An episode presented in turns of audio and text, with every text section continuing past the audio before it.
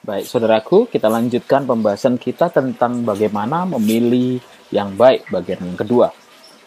Namun sebelumnya kita baca kembali Amsal 2 ayat 1 sampai 5. Amsal 2 ayat 1 sampai 5. Hai anakku, jika engkau menerima perkataanku dan menyimpan perintahku di dalam hatimu, sehingga telingamu memperhatikan hikmat dan engkau mencenderungkan hatimu kepada kepandaian.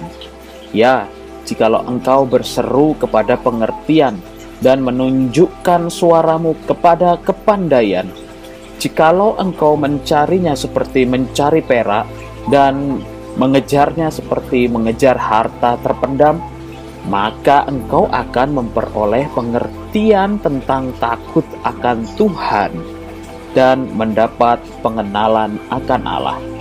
Give me five minutes. Kebaikan harus selalu merujuk kepada kebenaran. Menurut Anda, apakah sebuah kebaikan jika Anda diberikan semua fasilitas tanpa dibekali sebuah tanggung jawab? Saya pikir tidak ada yang seperti itu ya. Fasilitas biasanya diberikan selalu seiring dengan tanggung jawab yang beres. Jika tidak, itu namanya pembodohan. Apakah orang yang terus-menerus memanjakan dirinya akan produktif? Tidak mungkin, saudaraku.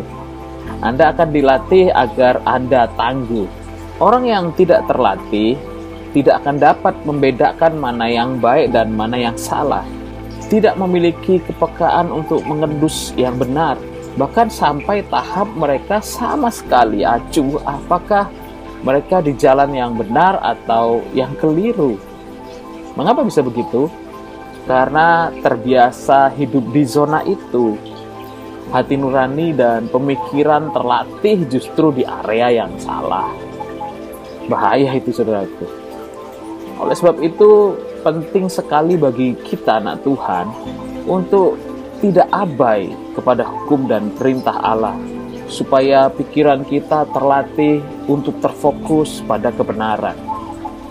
Oke, melanjutkan pembahasan sebelumnya, apa yang dapat kita lakukan agar kita mampu memilih kebenaran? Keteraturan. Keteraturan menentukan pola hidup yang benar, saudara. Keteraturan mengurangi kesalahan dan meningkatkan bijaksana. Akan ada dampak bagi orang yang teratur berdoa, itu jelas akan ada dampak juga bagi orang yang teratur merenungkan firman dan mengerjakannya. Tujuan keteraturan adalah menciptakan habit dan pola hidup yang sesuai dengan kebenaran. Jadi kalau hidup kita teratur, kita akan lebih mudah untuk berjalan di dalam jalan-jalan yang sudah Tuhan tetapkan dalam kehidupan kita karena kita sudah membangun habit itu. Dan kemudian miliki kecurigaan yang sehat atau yang sering kita bicarakan adalah bersifat kritis yang sehat.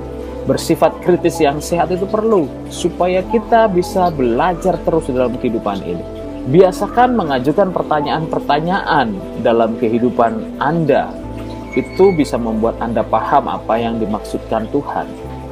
Dan hal ini membuat kita tidak membanggakan dan mengandalkan diri sendiri Sadarkah saudara bahwa tidak semua pengalaman kita dapat dijadikan jawaban atas masalah kita? Peran serta Tuhan itu utama, saudara. Oleh sebab itu, ikut sertakan Tuhan dalam kehidupan Anda. Kemudian putuskan untuk mengambil sikap yang mau ditegur atau dikoreksi. Ini akan membuat Anda tetap berada pada jalur yang benar. Dan yang terakhir, miliki panutan yang bisa mengarahkan Anda kepada kebenaran. Miliki panutan atau pemimpin yang bisa mengarahkan Anda kepada kebenaran. Kita tahu bahwa buah jatuh tidak jauh dari pohonnya. Anda akan bertumbuh ketika Anda menempel pada pokok yang benar. Jika tidak, Anda suatu saat akan mati. Jadi di mana tempatmu bertumbuh, itu juga menentukan kehidupan Anda. Semoga Anda paham dan tetap berada di jalur yang benar. Tuhan Yesus memberkati.